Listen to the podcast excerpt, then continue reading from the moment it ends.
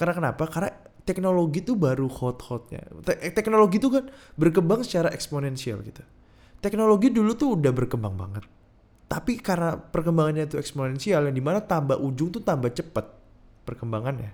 Banyak job yang tadi gue bilang obsolete, banyak job yang hilang, banyak eh, skill yang dulu misal satu skill lu bisa lu pakai 20 tahun gitu loh. Tapi zaman sekarang skill itu yang lu punya cuma bisa survive in 5 years.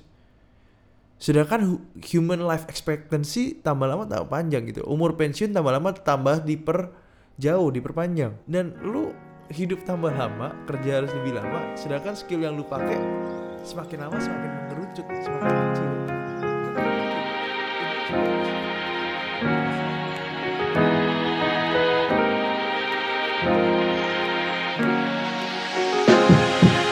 Hi everyone, welcome back to pada suatu ketika episode 43 and how are you guys doing? Gimana kabarnya semua? Jadi yang baru pertama kali di sini gue ucapin welcome di sini gue host lu Andre bakal sharing tentang pengalaman hidup gue dan topik minggu ini. Oh, hold on, hold on, hold on. By the way lu pada udah ngelihat Niki punya itu gak sih yang yang Soekarno punya pidato terus barengan sama eh, dia nyanyi Indonesia Raya. That's so fucking dope yo. Itu di LA man, gila gak sih? Anyway, yes, eh, 17-an kemarin eh, selamat ulang tahun ke-74 Indonesia aku tercinta and yeah, today gue mau sharing tentang pengalaman gue gimana gue ngelihat orang-orang Indonesia cara pikirnya, cara eh, belajarnya. Kita semua tahu tentang lifelong learning kan ya.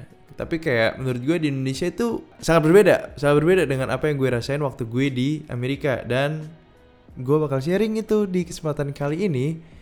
And don't forget to check last week podcast episode yang minggu lalu kita ngobrol tentang self love lebih ke arah kayak how to love I guess. How to have.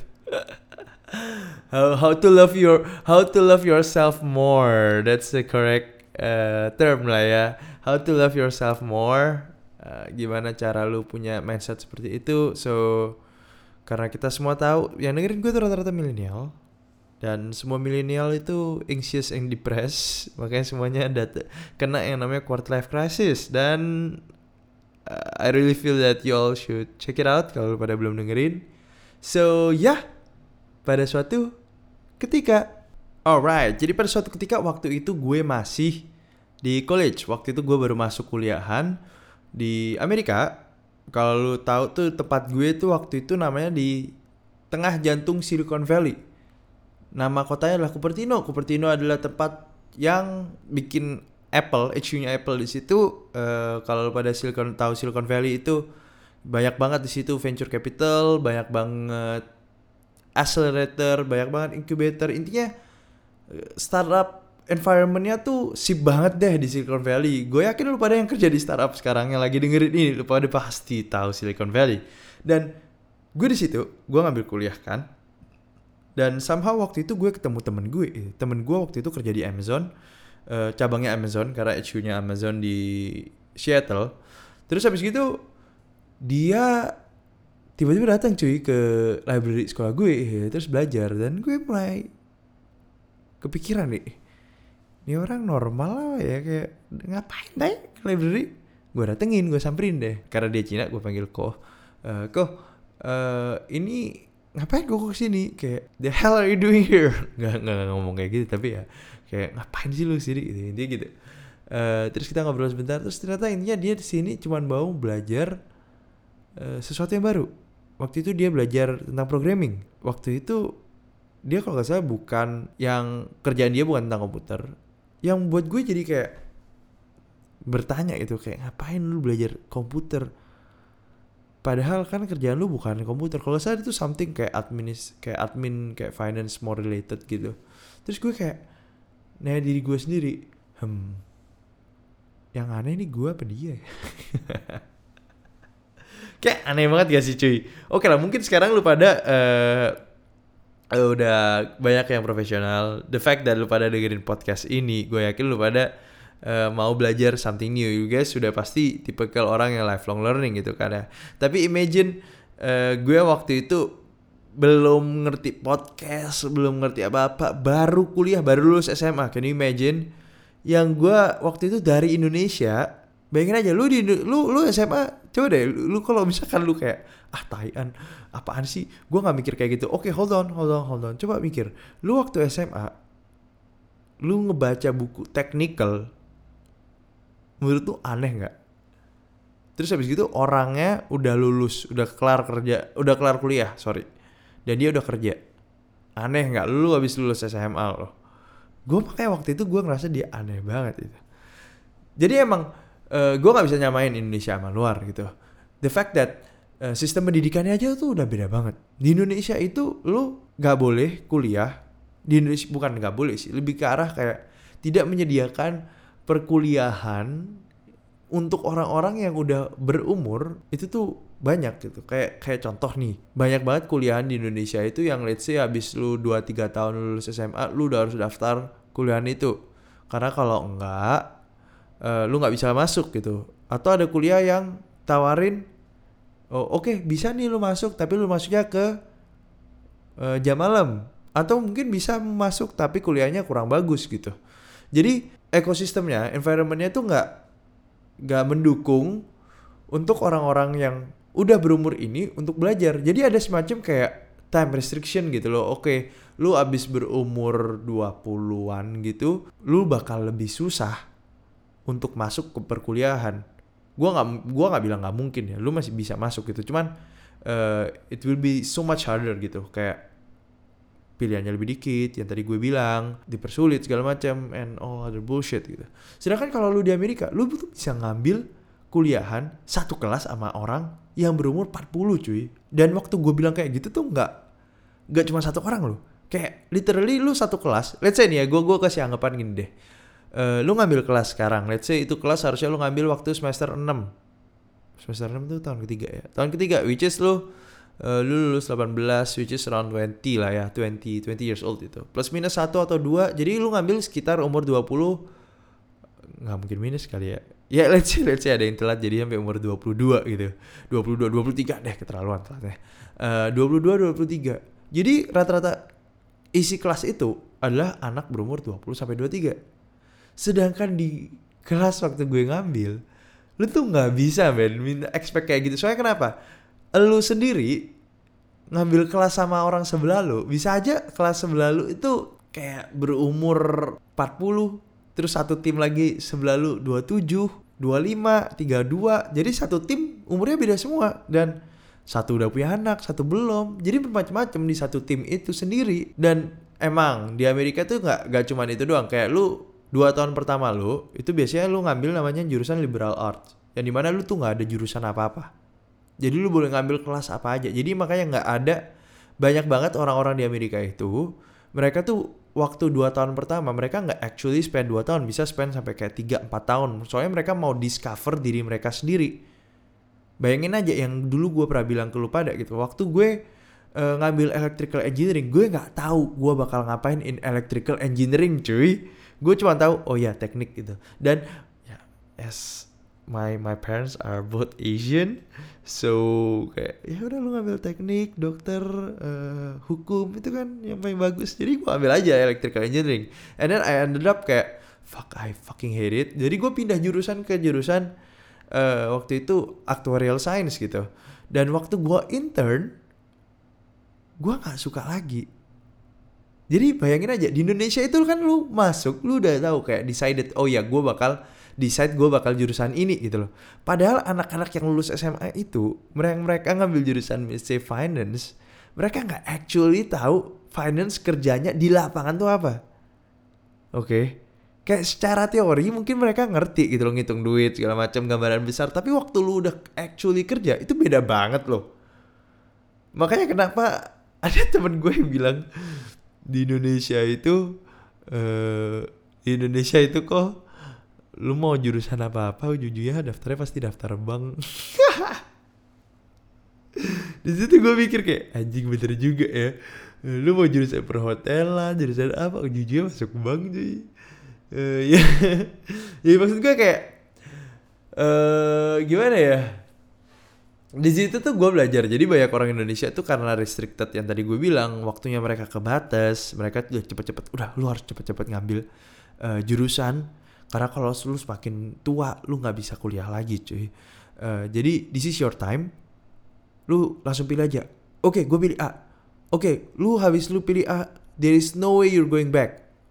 Kalau lu even nyadar gak sih kalau dulu di Indonesia tuh lu lulus kayak lima tahun aja lu kayak anjir dia lulusnya telat. Regardless IP-nya padahal yang lulus cepet tuh cuma tiga yang lulus telat IP-nya 3,7 oh iya uh, dia lulus telat no matter what gitu yang ngebuat kayak semakin ada pressure buat lo lulus lebih cepet lagi jadi udah lu nggak bisa pindah jurusan karena social pressure lu harus stick with that particular major karena pressure juga, waktu juga. Jadi menurut gue ini yang menghambat orang-orang Indonesia buat dapat edukasi yang proper. Dengan adanya batasan-batasan ini, halangan-halangan ini, ini nih ngebuat orang Indonesia jadi kayak mager cuy, kayak ya udahlah gue ngambil jurusan uh, finance, gue tau kerja kayak gini. Abis kerja, fuck gue benci banget apa yang gue lakuin. Tapi karena gue udah jurusan finance, yang penting gue udah lulus, sebelum umur 23 gue udah membanggain uh, orang tua gue dan gue waktu itu bertanya jujur aja kayak ah mungkin karena di di Amerika itu orang Amerika harus bayar uang sekolah tuh mahal. Gue tanya ke teman gue yang di Belanda apparently dia juga ngomong hal yang sama gitu. Di Belanda orang-orangnya juga lu nggak bisa datang ke kelas isinya seumuran semua tuh nggak mungkin. Karena kelasnya tuh sangat banyak dan semua orang bisa ngambil kelas itu. Mau lu umur berapapun lu bisa ngambil kelas itu. Padahal di Eropa tuh free loh sekolahnya. Jadi gue kayak fuck iya ya. Kayak kayak kayak ini nih sistem edukasi yang bener harusnya tuh kayak gini. Yang gak gak ngebatasin orang cuman kayak oh lu belajar tuh cuman sampai umur 20 something and then that's it dude. You finally finally graduate from college and then you're done. Lu nggak bakal belajar apa apa lagi. Lu pernah denger gak sih ada uh, anak-anak kuliah ye yeah, akhirnya lulus. Udah kelar nih belajar. Gak ada yang namanya belajar belajar lagi. Generasi muda Indonesia. Masa depan kita sangat cerah. Gimana ya? Ini nih udah jadi kayak social social gue bisa bilang kayak udah jadi kayak ngerasa kayak social culture-nya kita gitu loh yang yang belajar sampai umur sekian dan udah habis gitu lu cari pasangan hidup, lu kerja cari pasangan hidup, lu punya anak. Terus gak tau gue kayak, kayak boring life lah and then lu nggak update skill lu sampai mati skill lu cuman segitu aja. And then that's it. oh Indonesia Indonesia oke jadi kan uh, some of you tahu kalau misalkan gue abis lulus dari kuliahan gue nggak suka apa yang gue lakuin dan akhirnya gue berpindah haluan gue ngambil semacam bootcamp. Kalau di Indonesia tuh yang kemarin di 30 Days of Lunch kalau pada dengerin itu yang uh, Purwadika Startup School gue ngambil something like that tapi itu punya New York waktu itu. Jadi gue ngambil bootcamp gimana caranya gue bikin app aplikasi website ya kan? Uh, abis gue pindah halawan, gue sempet sharing-sharing sama banyak orang sama sarap-sarap. Ya secara lu pada tahu lah sarap-sarap di Indonesia tuh uh, kebanyakan datang dari sekolah-sekolah yang daerahnya juga daerah-daerah gue dari Berkeley, Stanford, and all other school. Enggak, sekolah gue bukan Berkeley dan Stanford, nggak sebagus itu kok, tenang aja. uh, aduh self love gue harus bisa accept diri gue sendiri sekarang. Meskipun sekolah gue be aja. Oke okay, anyway gue banyak sharing sama mereka meskipun skill gue sama mereka jauh banget. Uh, terus mereka bilang ke gue hal yang sama ya. Uh, di Indonesia tuh SDM-nya kurang banget kalau lu pada dengar Ahmad Zaki di Bukalapak waktu itu dia juga ngomong hal yang sama kan. Well semua startup di Indonesia tuh ngomongin hal yang sama gitu. SDM-nya kurang banget. Dan mereka bilang ke gue tuh SDM Indonesia itu tuh cuman abis mereka belajar itu ya udah itu aja. Akhirnya gue kepikiran akhirnya gue kepikiran. Uh, waktu gue pulang dari Amerika waktu itu gue lagi mencoba nyalurin semua ide gue gue coba semua kayak gue brainstorm gue coba telepon teman-teman gue kira-kira bisa nggak kita yuk uh, kerja bareng uh, bikin something lah do something lah at least. Ya kan waktu itu gue masih ini denial lah ya gue nggak mau kerjain kerjaan bokap gue uh, tapi halnya semua hal sama gitu. Gue kayak shock banget setelah gue tahu ternyata teman-teman gue itu nggak tahu skill apa pun uh, yang kayak up to date di US gitu dan gue kayak bertanya itu kenapa lu nggak belajar? Karena even skill-skill yang nggak di up to date di US ini kayak even skill-skill yang misal uh, let's say gue bilang kayak framework JavaScript tuh misal kayak React gitu Ruby Angular uh, intinya tuh lu harus belajar lagi itu harus di luar sekolah lu. Dan gue nanya ke mereka ini kan gue juga nggak pernah diajarin tapi lu juga harus belajar karena ini kayak ya, industri lagi membutuhkan hal ini. Dan mereka jawab hal yang sama eh well uh, gimana ya? Satu industrinya tuh nggak butuh di sini. Kedua yang gue pelajarin di sekolah ya ini. Ya ketiga ya udah gue nggak nggak malas aja itu. Gue gue udah kelar kuliah gue cuma pakai skill-skill yang udah gue pelajarin di kuliahan. Yang padahal waktu itu waktu itu kalau saya ruang guru datang kan ya. Kalau nggak salah tuh anak-anak yang sekolah di US tuh di interview buat magang. Dan mereka cuman kayak uh, some of them itu B aja dan mereka cuma bilang kayak oh ya gue bisa di skill gitu. Waktu itu yang lagi hot banget namanya React JS gitu punyanya Facebook. Dan di Indonesia nggak ada yang ngerti tentang hal itu. Bukan nggak ada yang ngerti banyak yang ngerti tapi nggak. Pada zaman itu pada waktu itu nggak banyak orang yang punya skill itu. Nah kalau lu punya lu bisa bilang dengan bermodal kayak oh ya gue bisa React lu langsung keterima cuy. Buat magang magang di startup startup Indo tuh cuman bermodal kayak oh ya gue bisa react. Dan orang-orang Indonesia tuh mereka nggak even kayak trying gitu. Even sampai sekarang gue sekarang bikin kayak uh, eh, ERP-nya perusahaan gue sekarang company gue sekarang itu tuh kalau lu tahu yang dipakai itu tuh teknologi udah dari tahun yang 1999 dan teknologi itu masih diajarin di semua sekolah uh, di perusahaan yang gue kerjasama ini perusahaan di Surabaya kan. Jadi semua sekolah di Surabaya juga nggak kayak ngajarin teknologi ini dan semua kayak kantor, hampir semua kantor kalau lu minta bikinin program pasti dibuatinnya dengan cara begini gitu. Gampangannya kayak gitu. Yang membuat gue kayak, men, lu pada tahu gak sih ada yang cara yang lebih cepet, lebih efektif, lebih oke, okay, ya semua orang lagi pakai sekarang. Even di Jakarta aja udah mulai pakai hal ini tapi ya gue nggak gue nggak nggak ngomong hal itu lah tapi gue gue gue sempet curhat sih sama salah seorang di kayak bukan developer sih kayak gue sempet curhat sama se waktu itu uh, salesnya marketingnya dan dia juga ngomong hal yang sama gitu loh. Di di di Surabaya tuh emang belum kayak oh ya gue harus belajar hal ini untuk bisa skill gue jadi advance gitu. Tunggu ketinggalan dulu karena mereka tuh kayak udah tahu oh ya udah bentar lagi nih uh, React emang lagi hot gitu. Kayak gue harus belajar deh. Instead of kayak ada uh, ada apa ya? Ada kayak keinginan dari diri sendiri. Jadi dia tuh lebih ke arah kayak lagging indicator gitu kayak oh iya ya orang-orang udah pada minta nih. Tapi by the time orang-orang udah pada pakai lu tuh udah telat men. Harusnya lu mulai in advance kan?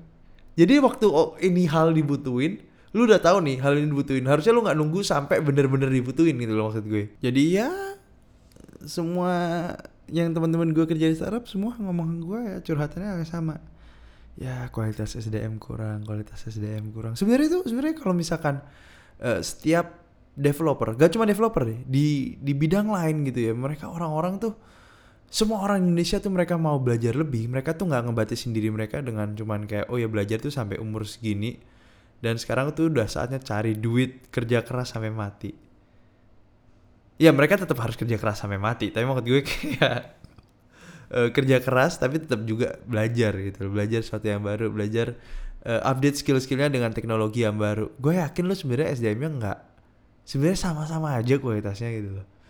Jadi sebenarnya apa sih yang ngebuat faktor-faktor ini? Kenapa tiba-tiba kayak lifelong learning itu sebenarnya uh, sekarang tuh lagi digenjot-genjotnya gitu? Kayak kenapa lu tuh harus belajar update skill lu terus tuh baru kayak let's say 50 to 100 years kayak belakangan ini gitu. Gila ya gue bisa tahu. Jadi tenang.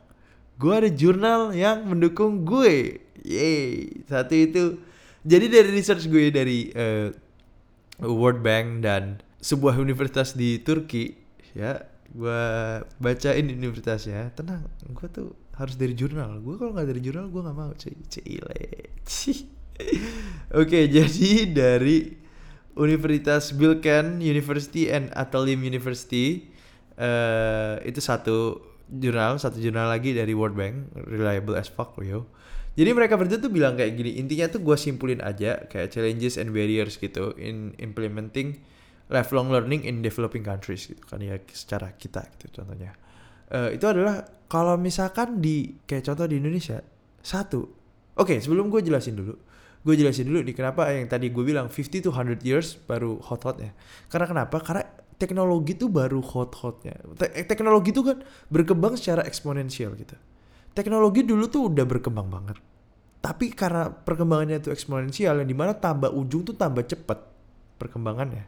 Banyak job yang tadi gue bilang obsolete, banyak job yang hilang, banyak uh, skill yang dulu misal satu skill lu bisa lu pakai 20 tahun gitu loh. Tapi zaman sekarang skill itu yang lu punya cuma bisa survive in 5 years. Sedangkan human life expectancy tambah lama tambah panjang gitu. Umur pensiun tambah lama tambah diper jauh diperpanjang. Dan lu hidup tambah lama kerja harus lebih lama sedangkan skill yang lu pakai semakin lama semakin mengerucut semakin kecil kan nggak mungkin. In which lu harus kembangin terus skill lu tambah lama tambah lama tambah berkembang berkembang berkembang untuk bisa mengikuti perkembangan zaman gitu loh. Kenapa di Indonesia nggak bisa sehebat di negara lain kenapa mentalnya belum seperti itu? Karena mental kita belum siap itu yang pertama. Faktor utama itu karena mental kita belum siap. Karena kenapa? Uh, banyak toko-toko atau kayak gue bisa bilang influencer. Nggak cuma di YouTube ya maksud gue. Kayak banyak kayak uh, maksud gue kayak orang-orang yang influensial di luar sana tuh mereka sendiri nggak nerapin hal ini gitu. Karena kenapa? Di zaman mereka dulu mungkin teknologinya nggak se-rapid sekarang. Growingnya tuh nggak secepat sekarang kalau misalkan di Amerika Amerika udah uh, jadi pusat teknologi dari berapa puluh tahun yang lalu kan Nah bayangin aja di berapa puluh tahun yang lalu itu karena teknologinya mereka udah semakin cepat, jadi mereka mau nggak mau orang-orangnya dipaksa buat di uh, kejar buat kembangin skillnya gitu. Sedangkan kita yang dulu kayak santai ya negara Indonesia itu kan negara-negara orang-orang sans, orang-orang yang super duper boles, chill as fuck. Tiba-tiba masuklah Gojek dan startup-startup lainnya. Uh, yang membuat Indonesia jadi teknologinya jadi sip banget yang ngebuat aduh gua Gojek lu ah, berutang budi sama gua gua sponsorin lu barusan. Anyway uh, jadi tiba-tiba kita kayak wow kita harus update skill kita ya ternyata. Jadi itu salah satu faktornya itu salah satu faktor ini. Faktor yang lainnya itu yang dari dua jurnal yang gue dapet ini yang paling penting itu adalah information dulu information gak kayak sekarang jadi mungkin sekarang tuh kayak government udah support. Mungkin dari dulu government udah support lifelong learning. Mungkin dari dulu government udah coba membuat ekosistem yang di mana orang-orang bisa belajar terus-terusan belajar dengan cara memberikan library segala macam bla bla bla bla bla. Tapi uh, informasi masih susah didapetin gitu informasi buat orang-orang zaman sekarang. Bokap gue informasi gampang banget dapet dari WA meskipun isinya mungkin 50 sampai 70% isinya hoax doang yang bokap bokap gue baca. Kayak wah ternyata dengan kamu meminum air air apa gitu bisa mencegah penyakit kanker tai. Itu gua gue yakin itu infonya tuh nggak dari jurnal juga tai. Itu pasti fake tai. Intinya oke kita balik lagi nih. Uh, informasi udah segampang itu bayangin aja informasi udah segampang itu sekarang. Yang di mana lu tuh bisa tahu lo ada seminar apa. Lu bisa dengerin podcast ini. Lu bisa belajar sesuatu hal yang baru everyday dari podcast gue asik. Dari oke okay, mungkin bukan podcast gue tapi dari podcast podcast yang lain. Jadi informasi ini loh yang ngebuat negara itu semakin orang-orangnya kepacu. Jadi mereka jadi semakin kayak oke okay, kayak gue harus belajar deh. Gue gue oh dia udah belajar gue juga belajar. Oh rasanya uh, adat lain kayak gini ya orang itu jadi curious kayak oh iya budaya lain beda ya kenapa ya? Hmm gitu loh. Di situ loh yang ngebuat kalau gue bisa ambil dari dua jurnal ini dua hal inilah yang ngebuat kenapa negara kita dan negara mereka itu sangat berbeda. Meskipun yang kayak tadi di alasan kedua gue bilang ekosistemnya mungkin udah kita negara udah kayak udah support gitu. Tapi masih aja belum bisa kerealisasi sepenuhnya ya karena hal ini gitu loh.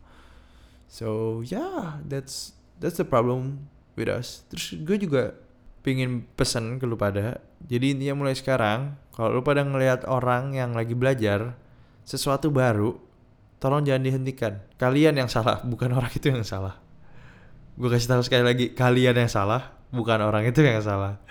Uh, biarin aja orang itu ngelakuin apa pun. Ya intinya balik lagi. Lu jangan kepo sama hidup orang. Jujur aja gue umur gue yang udah 20-an ini gue sebenarnya pingin belajar skill baru sih. Maybe someday gue pingin belajar masak for sure. Gue lagi kepikiran sih untuk start beli kitchen aid and anything uh, dan start belajar masak karena ya berhubungan sama hobi gue di gym mungkin hopefully bisa kerealisasi. Uh, tapi menurut gue nggak ada yang namanya oke okay, lu telat lu harusnya seumuran ini lu nggak belajar ini gitu oke okay, lu harusnya nggak belajar ini karena nggak related sama apa yang lu lakuin gitu. Tapi nggak ada salahnya cuy ngisi waktu luang lu dengan sesuatu belajar sesuatu yang baru gitu loh. Gue yakin orang-orang yang ngata-ngatain lu di rumah mereka juga lagi nonton TV nonton sinetron dan lu mungkin kalau nonton ngatain mereka kayak yang lu lakuin sekarang apa nggak mending gue belajar sesuatu yang baru daripada lu nonton sinetron ini? Enggak kok enggak kok gue dengan nonton sinetron ini gue bisa belajar sesuatu yang baru juga. Atau mungkin gue bisa melepaskan jenuh gue. Gue nggak kayak lu freak. Tai. Uh, ya yeah, hopefully uh, lu pada bisa belajar sesuatu yang baru. Uh, jangan kepoin hidup orang. And yeah I guess that's it for the podcast this week. Alright thank you so much guys sudah dengerin PSK podcast sampai akhir Uh, don't forget to follow PSK Podcast on Instagram and hopefully this weekend kita bisa ngomong tentang uh, barusan sebenarnya gue kepikiran uh, buku favorit sih. So yeah, don't forget to follow and DM me your favorite books, I guess. Uh, mungkin gue bisa share ke orang-orang uh, yang di mana biar ya sharing-sharing skill nggak ada nggak ada salahnya kan ya kan. So yeah, I guess that's it. Don't forget to follow on Spotify or SoundCloud or iTunes or Breaker or I don't know uh, wherever the fuck you hear my podcast right now. So yeah, I'll see you guys next week and see ya.